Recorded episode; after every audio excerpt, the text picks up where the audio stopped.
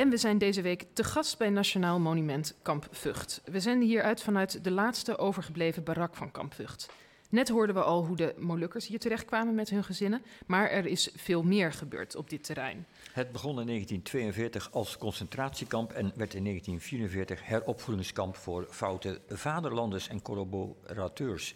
Conservator Brigitte de Kok maakt een expositie over die beladen geschiedenis en ze zit hier aan tafel. Welkom Brigitte, goedemorgen. Goedemorgen. Um, even de achtergrond van dit, dit kamp in de oorlog met name. Wat was het? Het was een Duits concentratiekamp. Wat was het precies? Hoe, wie Ja. en wie werden hier opgesloten en waarom? Het was zelfs een SS-concentratiekamp. ehm, gebouwd eh, in opdracht van Berlijn. Via Den Haag eh, bewust gekozen voor een locatie. En eh, volgens het Dachauer model een, een concentratiekamp gebouwd. Dus Ja. echt volgens een bedacht plan. Ja, je zegt toeval. SS en Dachau-model, dus, Ja. dus dat, dat klinkt allemaal helemaal niet lekker. Dus even heel kort, wat maakte dat, wat, wa- waardoor onderscheidt zich dat van anderen? Wat, wat is dat precies dan? Eh, het, het Dachauer model houdt in dat er ehm, in, in Dachau al vroeg in de jaren 30 een kamp gebouwd is volgens een model waar mensen een, bewust bedacht model ook beschreven, waar mensen gedehumaniseerd werden, gedesocialiseerd werden, uit de maatschappij worden gehaald. Geef mensen in plaats van een naam een nummer en dan begint de ellende. Ja, en er werden hier, werd dit voor een deel ook geloof ik als doorgangskamp gebruikt. Van hieruit zijn ook Jo- Joodse, Joden getransporteerd naar Ja. eh, de vernietigingskampen. En er zijn geloof ik ook vrij veel politiek gevangenen omgebracht. Eh, Ja. Is, is daar iets bekend over, over de aantallen? Ehm, aantallen, er zijn in totaal 32.000 mensen gevangen geweest in kamp Vught. Sommigen een hele korte tijd, andere mensen heel lang. Ehm een derde is ongeveer ehm, Joodse gevangenen. En de rest zijn politiek gevangenen, gijzelaars, uh, Sinti en Roma, gete- eh, Jehovah-getuigen. En voor, voor hoeveel, voor hoe- hoeveel eh, Joodse mensen was dit dan een plek, ja, een, een plek waarna ze daarna zijn gedeporteerd naar vernietigingskampen en daar zijn vermoord? Aantallen weten we niet precies, maar ja, zo rond eh, om en nabij de 12.000. Oké. En nu heb je als eh, conservator een aantal objecten voor ons meegenomen die de geschiedenis vertellen van het kamp. Ja. Ehm, en het e- eerste waarmee eh, we wilden beginnen was een ouderwetse knijpkat van het merk Philips. Vertel waarom. Ja, een, een knijpkat. eh, Doet hij het nog? Maakt Ja, hij hij, nog hij geluid? doet het nog. Weet je, hij het knijpkat, je kan het horen, hè? Ja. Het maakt een, een, zoemend geluidje alsof hij miauwt. Ehm, er werden in Philips, eh, Philips had een eh, fabriek in het kamp Vught. Ehm, ja, zoals je weet werden dus bedrijven geannexeerd, eh, moesten gaan produceren voor de Weermacht. En Philips vanzelfsprekend ook. Ehm, omdat gevangenen moesten werken. want ja, je zit niet in een kamp om niks te doen. Je moest er, ook, er moest gewerkt worden. En dus eh, er was bedacht dat daar een Philips werkplaats moest komen. En Philips heeft onderhandeld met, ja, met het regime. En heeft daar nog wat ja, voordelen. eh hij heeft echt onderhandeld. Eh, de barak was verwarmd. Er was toezicht door eh civiel arbeiter, dus door mensen van Philips, van buitenaf.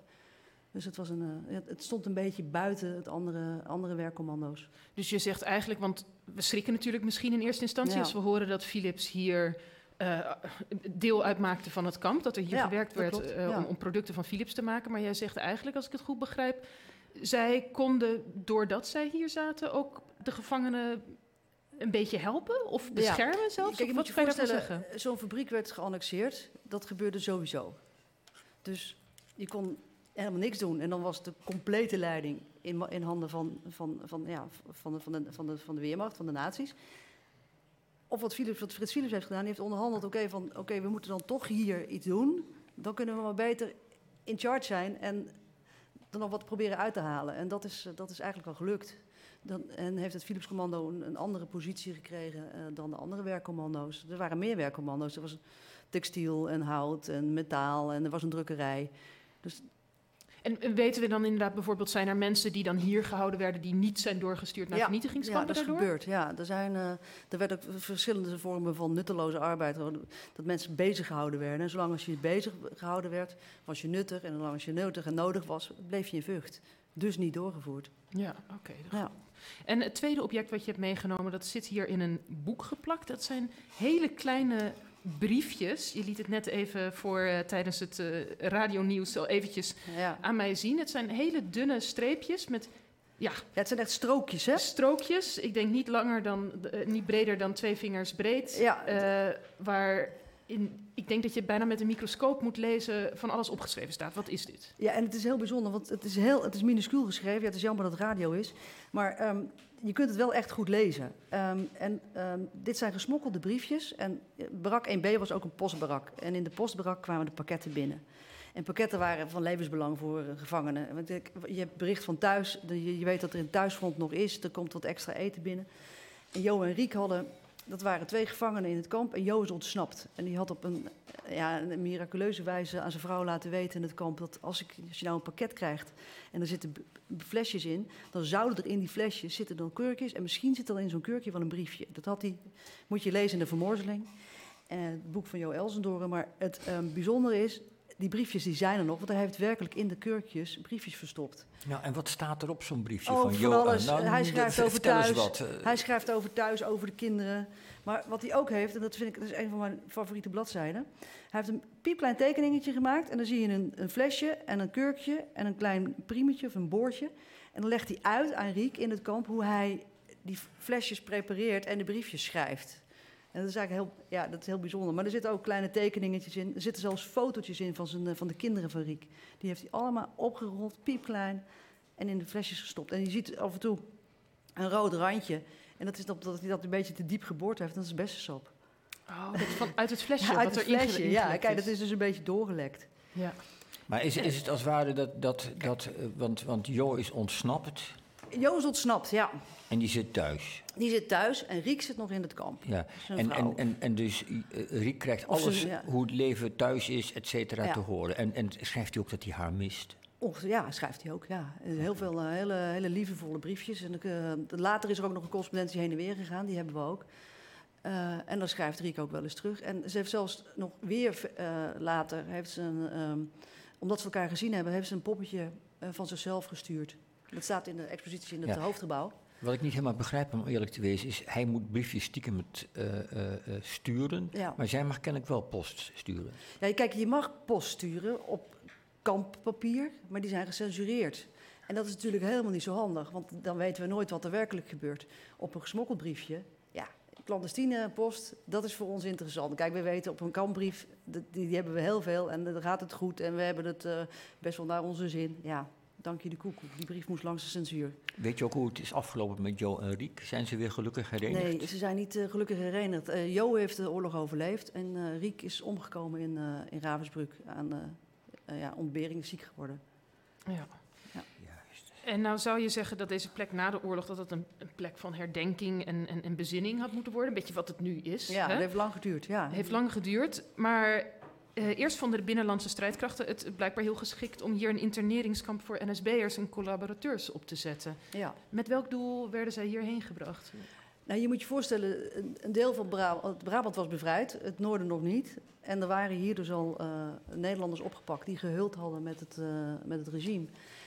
En ja, die zijn opgesloten om heropgevoed, bestraft en gevangen gehouden te worden. En die moesten ook bezig gehouden worden. En dat heeft te maken met het volgende object wat je nog mee hebt genomen. Dat ziet er heel angstaanjagend uit. Een houten doosje met een doodskop erop getekend. Ja, die doodskop, ik denk dat die doodskop er later is opgetekend. Want ja. in de interneringskamp uh, uh, moesten de gevangenen uh, mijnen ruimen. Er waren natuurlijk hier in de buurt heel veel heidegebieden en daar lagen landmijnen. En ja, die moet je opruimen, want ja, dat is gevaarlijk voor de bevolking. En ze lieten, die, uh, ze lieten de geïnterneerden lieten ze dat doen met stokken, met pinnen werd er geprikt in de grond en dan vond je een mijn. En dat gebeurde natuurlijk ook ongelukken. Maar uh, en dat, dat, dat, en hier kamp, zit een landmijn in? Dus dit is een in landmijntje. Dit, in dit kistje? Ja, haal, haal hem er dus uit. Ja, dat, dit, dit is het mijntje. Kijk, je moet je voorstellen...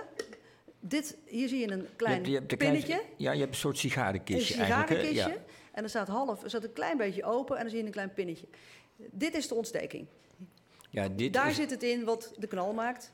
En dit ont, hier zit dan nog wat aan springstof in en dat ontploft dan. Dus hier komt een vonkje uit en dat springstof Ja. ontploft. Ja, je Dus laat als je een- dit in het gras legt en je stapt die bovenop, knal. Oh, precies. Want die, die, dat kistje dat is Want bijna een soort dit pedaal, lijkt het. Ja, en dan precies. gaat dus dat pinnetje Doordat naar dit beneden. breekt, ontploft gaat hij af en dan springt hij. Dat is Ja. dus een heel, ja, dit is een heel simpel eh, mechanisme. En dat moest, maar ik denk dat het doodskopje erop getekend is door degene die het gevonden heeft. Want dat was namelijk een verzetsman. En heel veel verzetsmannen hebben het kamp bewaard, bewaakt in de interneringstijd. En ik denk dat hij dit gevonden, dat dit een gevonden kist is dat hij meegenomen heeft, dat hij dat op heeft getekend. Dus ik weet niet wie dit erop getekend heeft. Ja, de dus maker- meer als souvenir van... Ja, dit dat, is, ja, dit komt uit de collectie van een oud eh, verzetsman. Kijk, Dus die hebben, het is net geschonken, ze een dit- week dit- of drie in huis. Dit was onderdeel van de heropvoeding. Mijnen Ja. opruimen en verongelukken. Ja, eigenlijk wel, ja. Nou is natuurlijk nog Of opmerkelijker... heropvoeding, ja, mensen, ja, ja. mensen werden, werden ingezet. ja. Ja. Ja. bizar natuurlijk, ja. nog vreemder op het eerste gezicht is dat hier later ook de Molukkers zijn gehuisvest. Hè? Ik bedoel, Ja. dus dat zouden we nu niet heel vanzelfsprekend vinden dat je zegt, goh, op een plek waar, waar Ja. zoveel verschrikkelijks is gebeurd, eh huisvest je daarna de Molukkers. Vond men dat toen ook ongepast? Of dacht, werd daarover gesproken? Of kwam het helemaal niet ter sprake? Dat, het, het lijkt mij wel. Het is natuurlijk heel raar dat je mensen die... Ja, waarom zou je mensen... Ja, in een concentratiekamp notabene. En dan... eh, ja, je durft het bijna niet te zeggen naar het gesprek van vanmorgen. Maar, of van een uurtje eerder. Maar ja, het, het, het lijkt wel alsof het is van... Ja, zonde, we hebben het. En eh, woningnood, ehm, gebruiken wat er is. Maar dat, Dat- is niet, nou, blijkbaar was daar niet een enorme Nee, discussie dat, over. Nee, dat weet ik niet. Ik weet niet eh, hoe dat in de. Nederlandse... Ja. eh, hoe, hoe, hoe, het, hoe, het- publiek daar... eh, dat weet ik niet. Ja. Ongetwijfeld... eh, ja, Ik denk dat, laten we het houden op overmacht. Hè. Dat was Ja. tekort. Het, het Nou, was net ja. na de oorlog, er was Ja. woningnood. Eigenlijk is het helemaal niet zo. Het, het lijkt gek. Vanuit ons perspectief lijkt Nu- het gek. Ja, Maar vanuit toen was het eigenlijk misschien nog gewoon een hele simpele ja, oplossing. ja waarschijnlijk. Ze hadden ja, ze misschien wel- wat beter moeten opknappen van tevoren. Ja, er waren wel dingen, wel, net als eten uit de gaarkeuken, mensen hun eigen eten niet. Dat is best wel, wel- ja, dat is best wel raar natuurlijk. Hè? Dat, Ja. Nou lijkt me het niet makkelijk om hier een, al deze verschillende geschiedenishoofdstukken te verenigen in één eh, tentoonstelling, in één Ja. collectie. Is dat, is dat lastig? Hoe, hoe heb je dat aangepakt? nou, ik was niet alleen hoor. We hadden een hele projectgroep en ook het Molux Museum eh, heeft daar eh, heel hard aan meegewerkt.